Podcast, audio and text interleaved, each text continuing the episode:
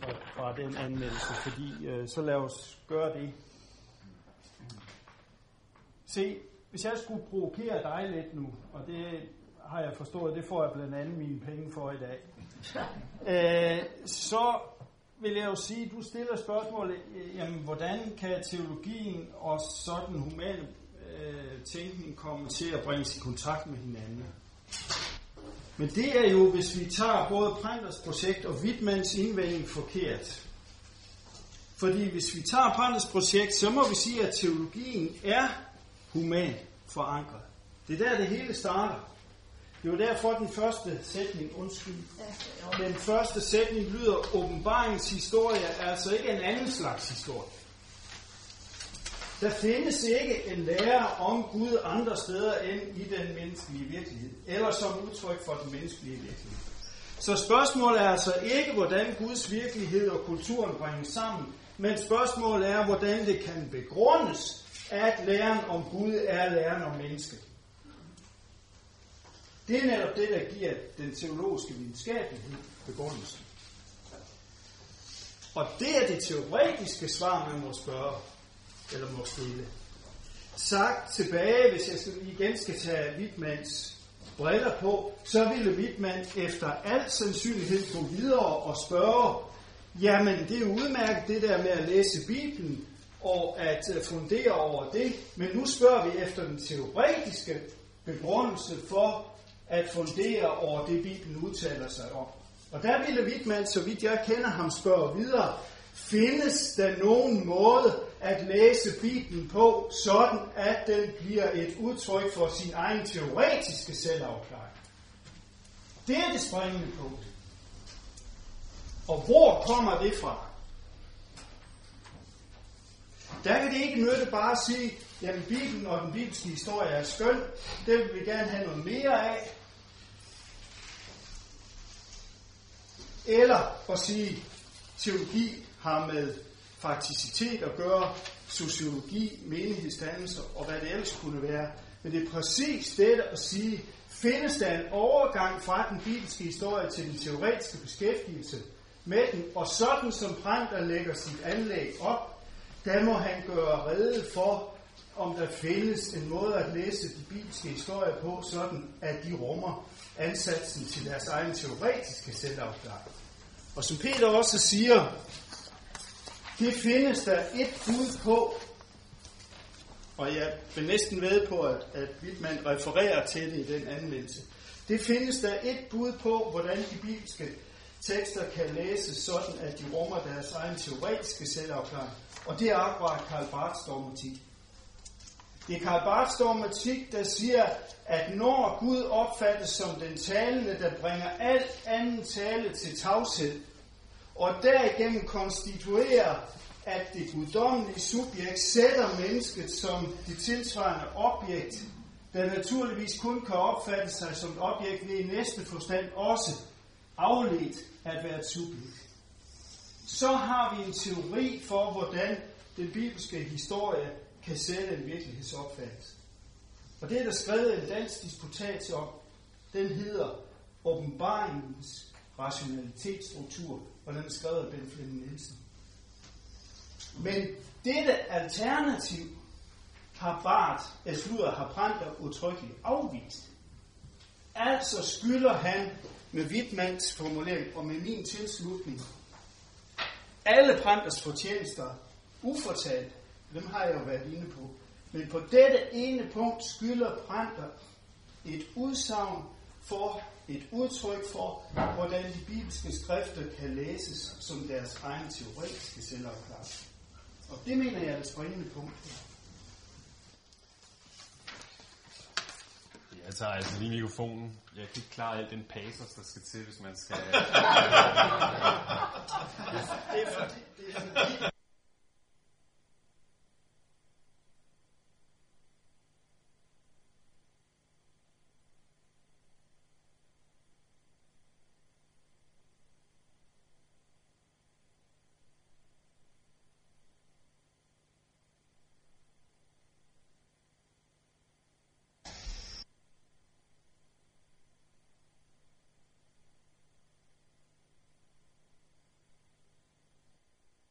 vanskeligt tilgængeligt øh, stof. Når jeg øh, alligevel siger, at Brænder netop til, øh, til forankringen af teologien i humaniteten hos Lejermacher har indvendinger, så, så øh, jeg gør det ud fra, øh, fra dogmatikken. Han har der i paragraf 3 i, i dogmatikken nogle øh, udredninger, og der har han øh, lange, altså det fylder ret meget med den øh, sådan religionsfilosofiske øh, argumentation mod Schleiermarker. Han mener at påvise en inkonsekvens på Schleiermarker. Det fylder faktisk mest. Men dertil kommer, og det er altså det, jeg opfatter som, øh, som det forbrændte helt afgørende, øh, en, øh, altså det han kalder en, et, en teologisk kritik, og dernæst en teologisk kritik, som står det her. Tanken er, sådan som jeg læser Brænder her, at der i hele Schleiermachers anlæg, altså forankringen af den kristne teologi i den der religiøse kategori i noget rent humant i den absolute afhængighedsfølelse, at der i det anlæg, altså selve anlægget er, er inkommensurabelt, eller kan ikke, kan ikke rumme øh, det kristne dogme. Sådan, øh, sådan øh, forstår jeg i hvert fald Prænder der. Jeg kan, øh, og, og det betyder, at øh, øh, de formuleringer, som du bruger her om, at øh, læren om Gud er læren om mennesket, øh, Ja, altså jeg har som sagt ikke kendt Brander, og jeg har kun læst det jeg har læst. Jeg vil alligevel være overrasket, hvis han, øh, hvis han umiddelbart ville have, have sagt, at det var sammenfattende for hans projekt. Hans, øh, et andet sted, hvor man kan se noget af det samme, det er de steder, hvor Brander forholder sig til, øh, til Kant øh, og til hele øh, ja, den transcendentale filosofiske idealisme og, og på den måde modernitetens øh, grundlæggelse. Brander, han, øh, der er flere steder, både i dogmatikken og i kirken og teologien og andre steder, hvor han faktisk øh, øh, citerer præcis én ting i Løstrups opgør med Kant, og det er, at den her erkendelsesteori hos Kant i sig selv er religiøs, men religiøs på en måde, som modsiger, altså som er inkommensurabelt med, øh, med øh, det kristne budskab. Ja. Sådan, sådan, sådan forstår jeg ham det. Der, der hvor Printer så ikke vil være med, det er til at give sådan en mere principiel selvafklaring, eller ontologisk selvafklaring. Jeg mener som sagt også, at det er med rette, at Wittmann efterlyser det hos ham. Printer øh, siger et sted i øh, det der foredrag, nu er det svært lige at stå og finde, øh, finde citater, men han siger et sted i det der foredrag om teologiens videnskabelighed, som er i kirken og teologien, at, øh, at hvor man hvis, og at hvor teologien ikke kan være videnskabelig, hvis den måles med sådan en principiel antimetafysisk målestok, sådan, som videnskabsteori, så kan man godt forestille sig sådan en mere pragmatisk, ikke metafysisk interesseret videnskabsteori, som teologien kan finde sig til rette indenfor. Og, og jeg, jeg tænker, at det måske er at det der mere åbne, som Pranter søger, øh, når, han, øh, når, han, når han netop ikke insisterer på sådan en, øh, kan man sige, øh, fundamental ontologisk selvafklaring. Nu bliver det ikke, ja, puha, det, det, lyder, det lyder, det er nogle svære ord. Jeg tror, at det er nødvendigt, og det er jeg enig med, med Wittmann, og kan jeg forstå også med dig. Øh, jeg tror, det er nødvendigt med sådan en begrebsafklaring, hvor øh, vejene måske nok skilles, er hvad for et øh, alternativ man skal søge til. Øh, og jeg synes, at jeg kunne høre nogle ekoer, men det kan også være fordomme fra min side, af nogle øh, bare ting i det, du sagde. Øhm, I din afvisning af det objektiverbare i teksterne. Øhm, øh, skal jeg se her. Hvordan kan det være, at når man insisterer på, at Gud skjuler sig, at man stadig taler om det objektiverbare? Øhm, er det rigtigt forstået? Ja, men det, det var jo altså ja. ja. ja. At, Nå, men, nej, ja, at Gud stadig skjuler sig, ja, men at du, dit spørgsmål var, ja. hvor, hvorfor, hvorfor tale om det objektiverbare? Ja.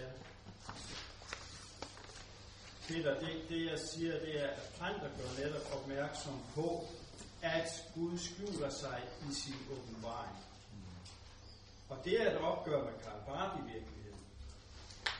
Forstået på den måde, at Printer siger, at Gud skjuler sig ikke i sin åbenbaring, fordi der åbenbarer han sig virkelig, men han skjuler sig samtidig med, at han åbenbarer sig. Og der angriber Printer efter min mening med rette den tidlige Karl Barth. Ja. Det vil jeg sige, det er min tilslutning til Pranters projekt. Så spørger jeg, jamen hvordan kommer vi så fra den principielle skjulsestanke helt ind i åbenbaringen, og det belægger citat nummer 3 jo også, at den er til stede, principielle skjulsestanke, ind i åbenbaringen. Hvordan kommer vi derfra, og så til det objektiverbare historiske udtryk, som kan gøres til genstand for lærer. Det skylder Pranter også en forklaring på. Og mutatis mutandis, så er det det samme, som Wittmann indvender på en anden måde. Ja, og til det stykke her vil jeg, vil jeg altså kun sige, at, øh, at for det første, at jeg mener, at, at øh, selve den teoretiske selvafklaring, eller den begrebs, man sige, fundamentale ontologiske selvafklaring, øh, mener jeg for så vidt også, at den mangler hos Brænter, eller savnes hos Brænter, selvom at jeg vil altså pege på, at, øh, at der ligger nogle ting, eller nogle, nogle ansatser til den, eller i hvert fald noget, som har affinitet til en sådan i, øh, i øh, det der grundfisk, genuint grundfiske motiv med, øh, at, øh, at Gud på en eller anden måde er til stede øh, i, øh, i verden. Og øh, ja, nu lægger vi den mikrofon. Samtidig med, at øh, ja, hvor var vi lige?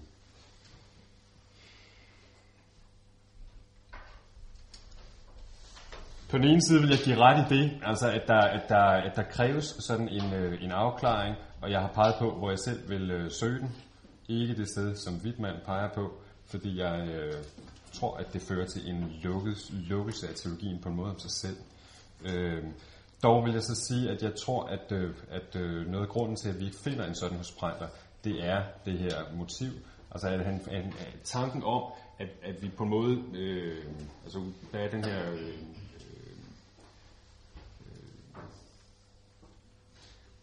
den her tanke om, at vi på skabelsens plan står over for Gud øh, på en måde, øh, forbrændt, og tror jeg i praksis i hvert fald, øh, øh, begrunder den kirkelige forkyndelses øh, forståelighed og forbindelighed. Øh, sådan, sådan tror jeg det. Men det, det nu går der mikrofon i den her. Og, øh, jeg, tror, jeg tror i hvert fald, at, øh, at det kan være noget af grunden. Ja, skal vi øh, lukke op fra folk? Ja, ekstra. Ja, undskyld, jeg tager ord, men det nu har jeg prøvet det med passe med korthed, men øh, vi er nu er der jo til øh, Frank og dag, og han har betydet noget for mig, så længe jeg har kendt Victor Martin, og særligt også som ven og som øh, lærer og så videre.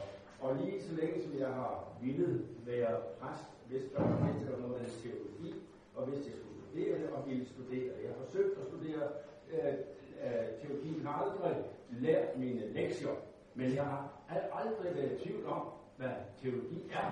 Og jeg har aldrig tvivlet om teologiens videnskabelighed. Og nu har man nu diskuteret det her og prøvet at høre, hvad præster siger nu, hele de her to dage er gået med det. Og jeg har aldrig tvivlet om teologiens videnskabelighed. Og nu vil jeg så prøve, fordi jeg altid udtaler mig om teologi, men på forventet teologisk efterbevilling.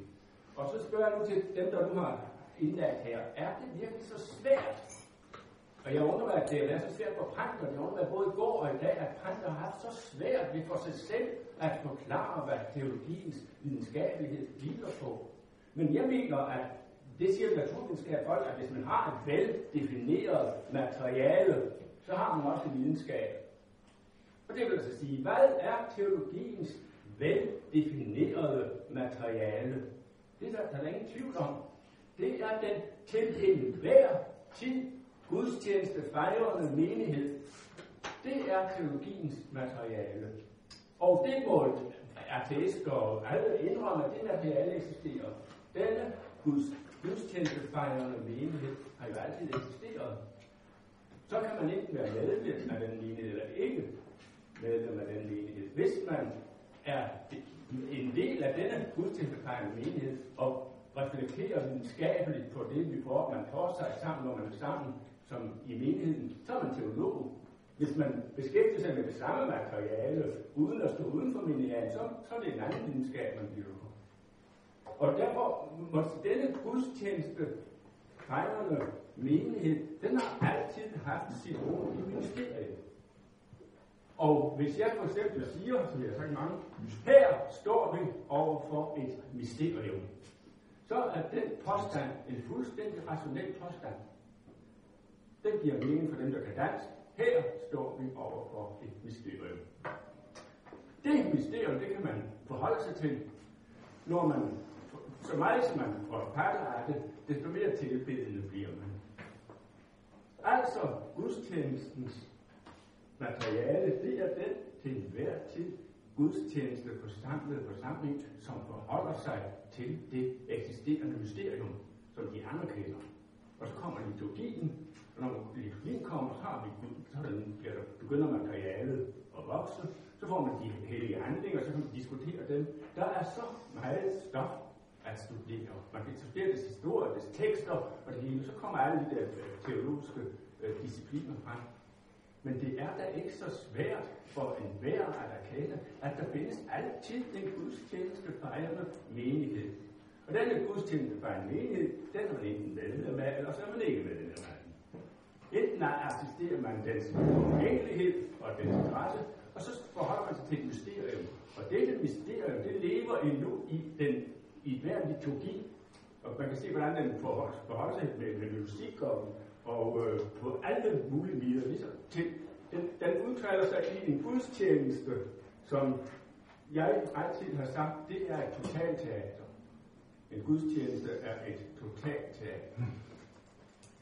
Hvor, hvor man kan sige, som deltager, det går ind i, i, i performance og det hele. Men det må være teologiens materiale. Det kan man ikke behøve at, at, at, at, at diskutere. Og, og det, det, alle dem, de, dem vi studerer sammen med, som vi ikke kunne bryde sig om os som studenter, ikke? de kæmpede så også for at bevise, hvad der var videnskabelighed. Og, og fakulteterne øh, de har, har aldrig haft en mærkelig dårlig, videnskabelig dårlig samvittighed over for de andre videnskaber. Hvorfor i verden har de dårlig samvittighed over for en videnskab, som er lige så videnskabelig i sin, i sin definition som et veldefineret materiale, som man kan forestille til, som, som det, de selv dyrker. Øh, så, så det, og så, kommer, så, så siger man, oh, så ender man med gudstjenesten, og så, øh, så, øh, så, så bliver det gudstjenestefejrende, de bliver sådan en ghetto, en, en, en ghetto.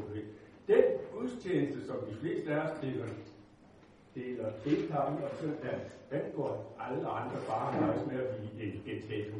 For når vi bliver tilstrækkeligt få, man bliver ved med at fejre dem, så bliver vi til sidst så forhatte, så folk begynder at slå os ihjel. Når vi begynder at slå os ihjel, så lever vi op igen, og så er, det alle dem, som har været kloge nok til at prøve på at tige os ihjel, de vil, de vil ikke de, det går så langsomt at kvæle kirken ved, ved ligegyldighed, at til sidst så mister de tålmodigheden. Dem, der venter på, at det skal den skal dø af, af, af overflødighed eller sådan noget. Og så slår de til, fordi de kan ikke holde ud og vente på at få os udryddet. Og så kører det hele igen. Men det vigtigste på vej, det er, at nu slutte vores, vores sindige og hvad der teologi, teologiens videnskabelige. For det kan man enhver se, hvis de kan læse en, en prædikantliste i radioen okay. Det er ikke det er en replik på det her, det er det grundviske. Det er lige det grundviske, at det Sulle Prandt, der skulle da ikke være i tvivl, når han kan citere uh, uh, nu skal vi lige give Henning Thomsen mulighed for. Ja, det er godt. Ja, øh, det er sakramenterne? Det er sakramentalt dimension. Ja. Det er ikke medlemøde, det her.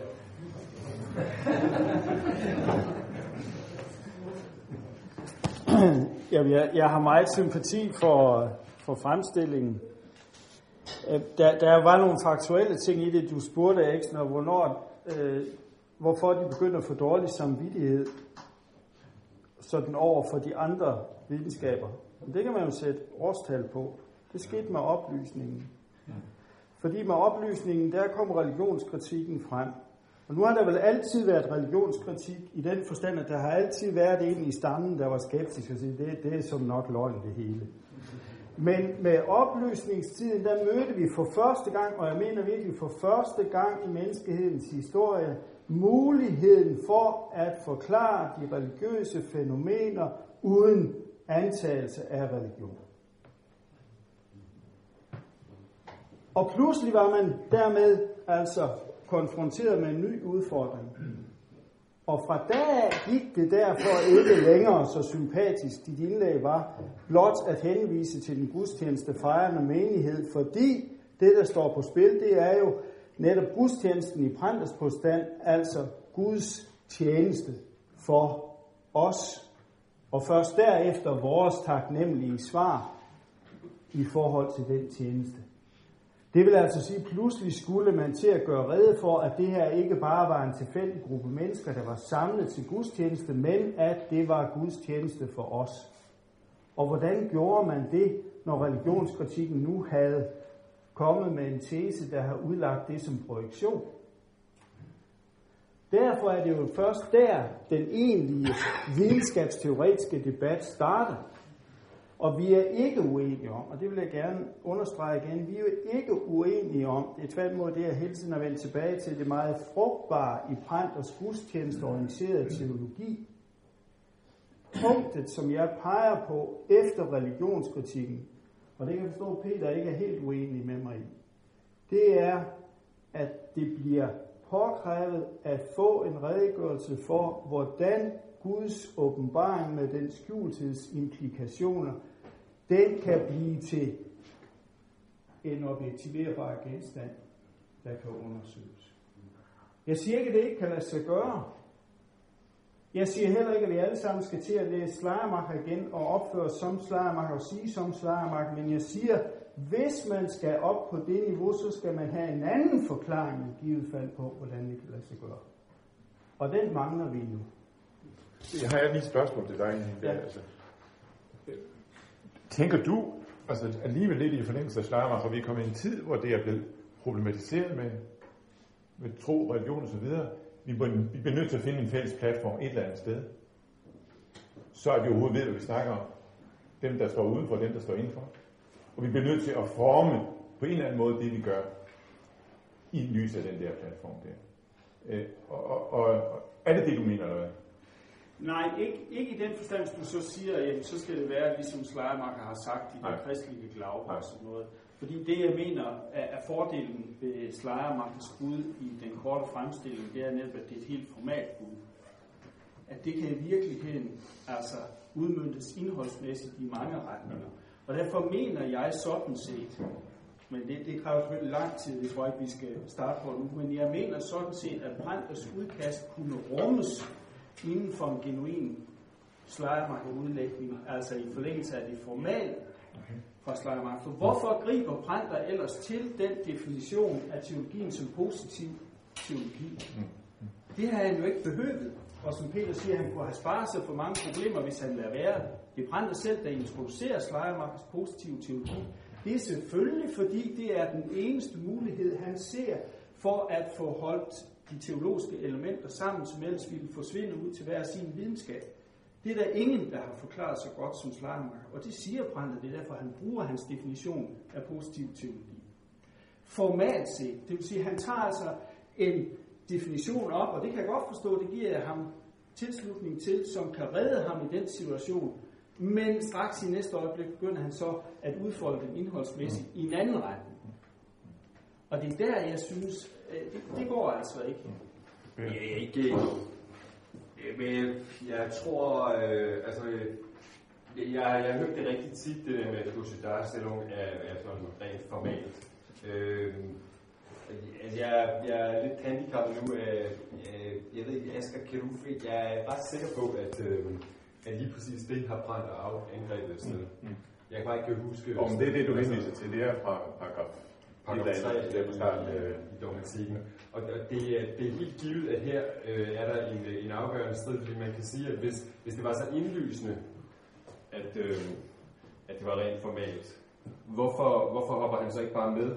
Det er fordi, altså, at Brandt hævder, at der er, en, øh, at der, der er en, et sammenstød her, og det er, det er ganske vigtigt at, øh, at fokusere det der. Øh, fordi spørgsmålet er, er der i den Øh, det anlæg, som Plejermarker giver, både øh, altså i teologiens enhed, men også simpelthen øh, i funderingen af, hvad teologi er for noget.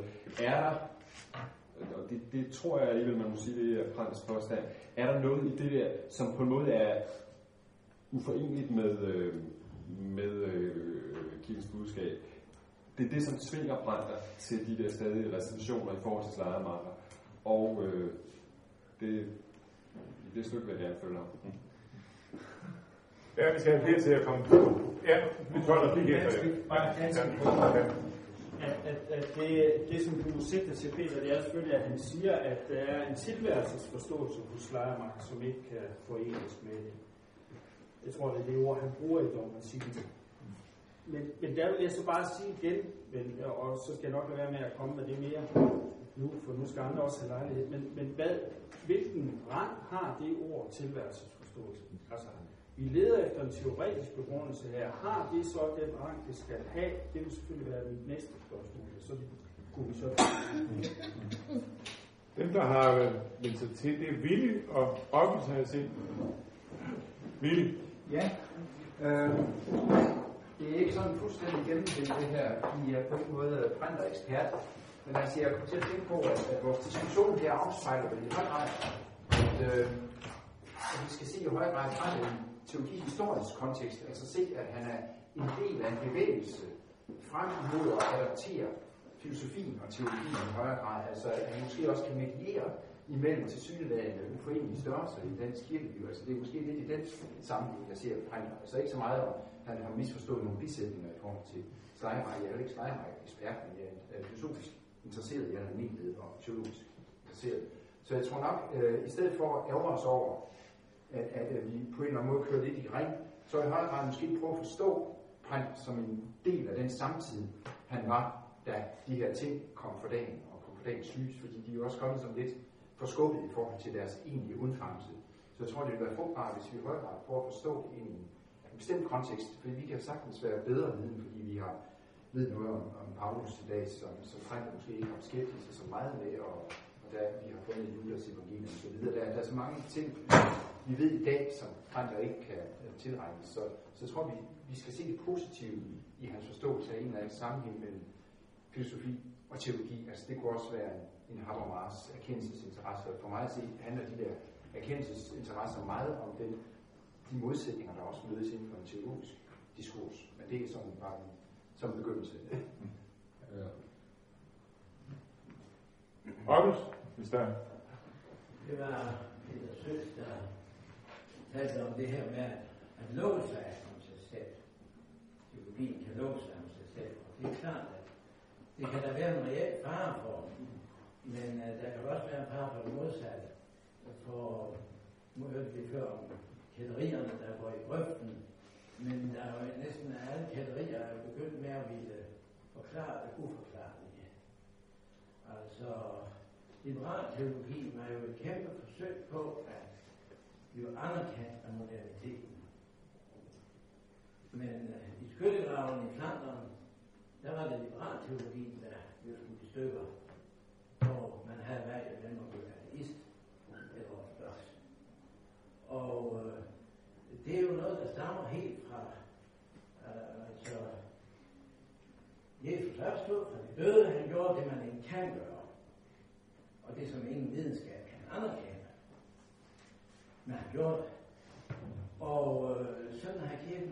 Øh, altid været nødt til at lukke sig om sig selv i den forstand, at, øh, at det kan overhovedet ikke forklares eller forsvares, men øh, Helligånden kan overbevise om, at det er sandt.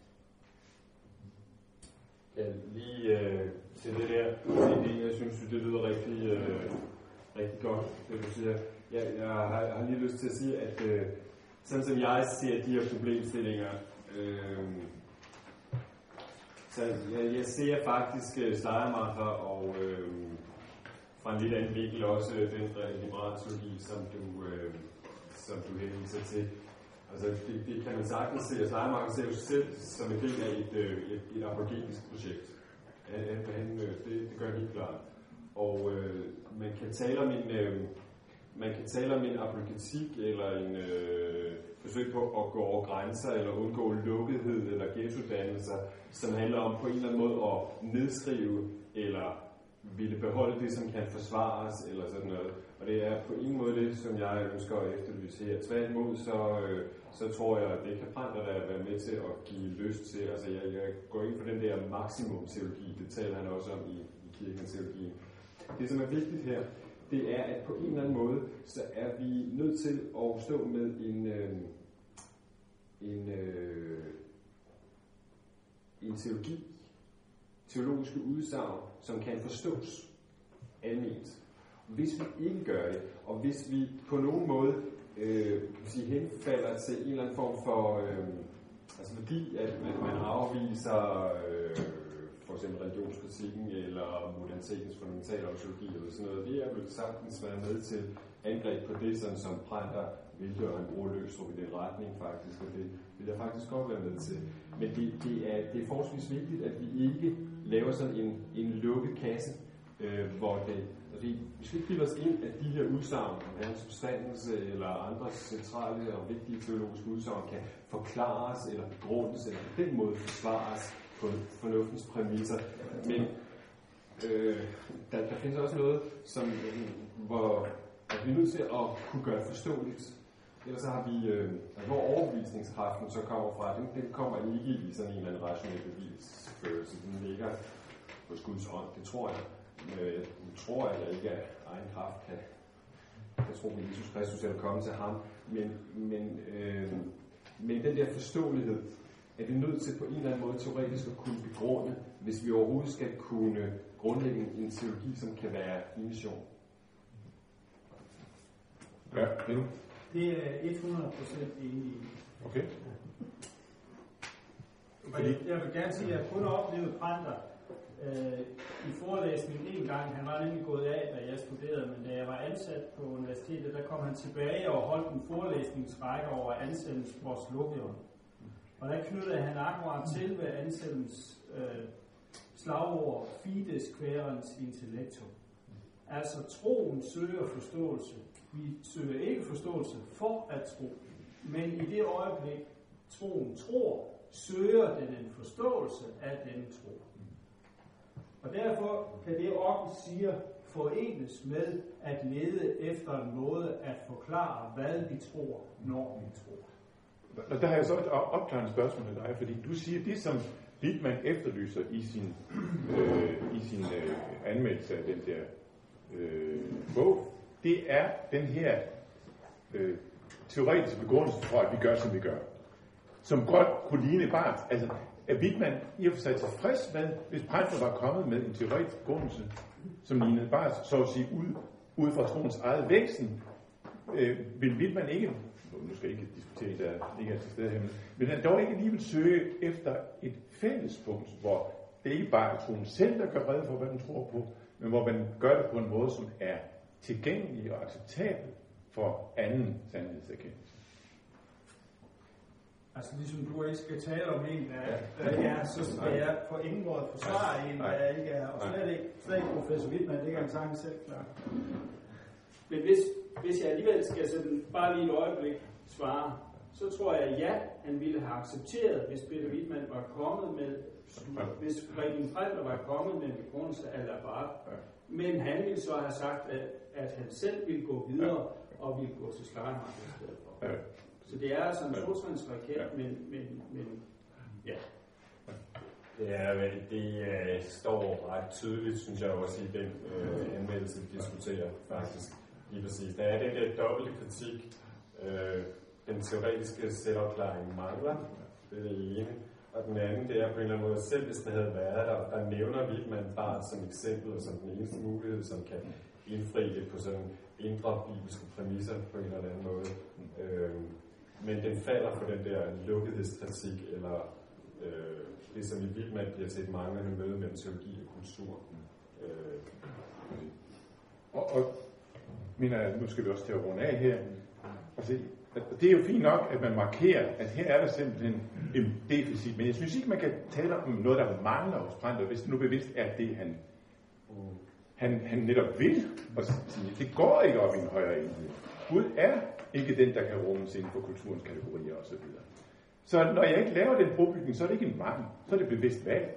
Så er det en markering af, hvad det er, teologirådet er for. Hvad, hvad, hvad teologirådet er efter sin øh, og, og, og så kan man på den basis måske nok sige, ah, også inden for hans system kunne man godt tænke sig lidt mere. Det, det er rigtigt, og det er det, som du også har prøvet for at Ja. Ja, men altså, du kender ham jo bedre end jeg, eller sådan, altså, mener, jeg, jeg, jeg, det er gæt, når jeg siger, at, at han vil øh, måske sige, at det vil en angst for, at det gør kristendommen til en anskuelse, at han vil bruge de ord. Men, øh, men jeg ved ikke, øh, altså, jeg, jeg ved ikke, om han vil formulere det på den måde. Det kunne jeg forestille. Ja, men det tror jeg helt klart. Helt klart. Det er derfor, han vil ikke gå Axel Van vej. Det er der ingen tvivl om, han Han vil have, fordi det vil lukke ordet til, kan vi sige, inden for en ramme. Ordet skal stå der og få lov til at tale direkte, sådan som vi har hørt det skildret også her hos måde, hans egen måde at bruge bilen på. Ja. Godt, jeg tror, vi skal til at runde af her. Øh, det har været for mig en rigtig spændende dag. Se, der kom nogen. Det har været dejlig dag, fordi der har været mange. Og øh, det har været dejligt i dag også, fordi det har været godt indhold. Vi har haft en rigtig god markering, og tak for jer, der har holdt ud hele vejen igennem. Også på trods af øh, måske det teoretisk tunge i det her. Jeg synes, det har været utroligt spændende, og det sidste, vi har været sammen om her. Øh, mit håb er, at vi kan få nogle manuskripter, så vi kan få det sammen lidt. Det så, du havde det i håndskrift. Jeg håber, det kan komme sådan, at det kan mange folk gøre på anden vis. Vejret har også været godt. Og vejret har også været godt.